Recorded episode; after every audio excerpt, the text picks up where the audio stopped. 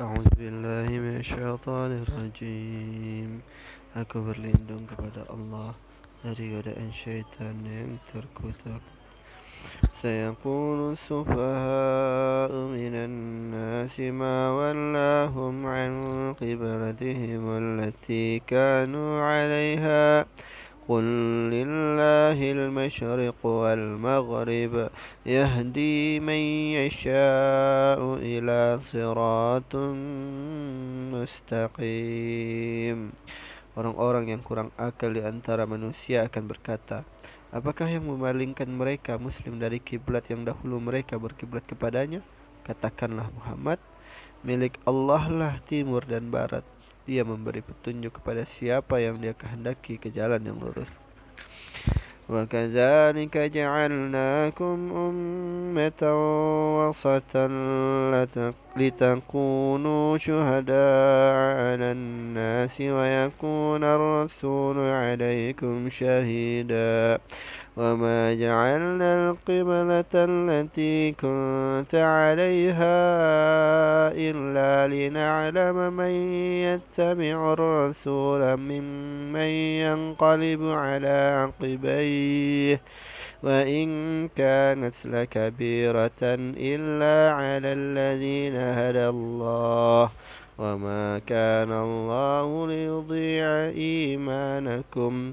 إن الله بالناس رؤوف رحيم Dan demikian pula kami telah menjadikan kamu umat Islam, umat pertengahan Agar kamu menjadi saksi atas perbuatan manusia Dan agar Rasul Muhammad menjadi saksi atas perbuatan kamu Kami tidak menjadikan kiblat yang dahulu kamu berkiblat kepadanya Melainkan agar kami mengetahui siapa yang mengikuti Rasul dan siapa yang berbalik ke belakang Sungguh memindahkan kiblat itu sangat berat kecuali bagi orang yang telah diberi petunjuk oleh Allah dan Allah tidak akan menyia-nyiakan imanmu sungguh Allah Maha Pengasih Maha Percaya kepada manusia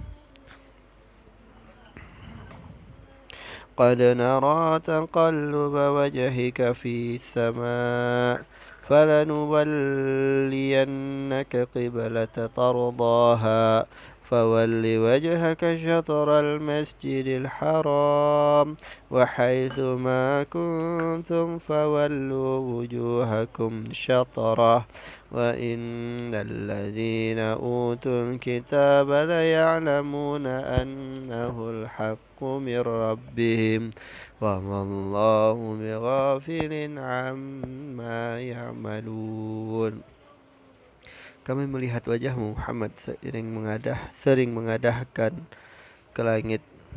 Maka akan kami palingkan engkau ke kiblat yang engkau senangi. Maka hadapkanlah wajahmu ke arah Masjidil Haram. Dan di mana saja engkau berada hadapkanlah wajahmu ke arah itu. Dan sesungguhnya orang-orang yang diberi kitab Taurat dan Injil tahu bahawa pemindahan kiblat itu adalah kebenaran dari Tuhan mereka. Dan Allah tidak lengah terhadap apa yang mereka kerjakan. ولئن, ولئن أتيت الذين أوتوا الكتاب بكل آية ما تبعوا قبلتك وما أنت بتابع قبلتهم وما بعضهم بتابع قبلة بعد ولئن اتبعت أهواءهم بعد ما جاءك من العلم إنك إذا لمن الظالمين Dan walaupun engkau Muhammad memberikan semua ayat keterangan kepada orang-orang yang diberi kitab itu, mereka tidak akan mengikuti kiblatmu dan engkau pun tidak akan mengikuti kiblat mereka. Sebagian mereka tidak akan mengikuti kiblat sebagian yang lain dan jika engkau mengikuti keinginan mereka setelah sampai ilmu kepadamu niscaya engkau termasuk orang-orang zalim. Sadaqallahul azim. Maha benar Allah dengan segala firman-Nya.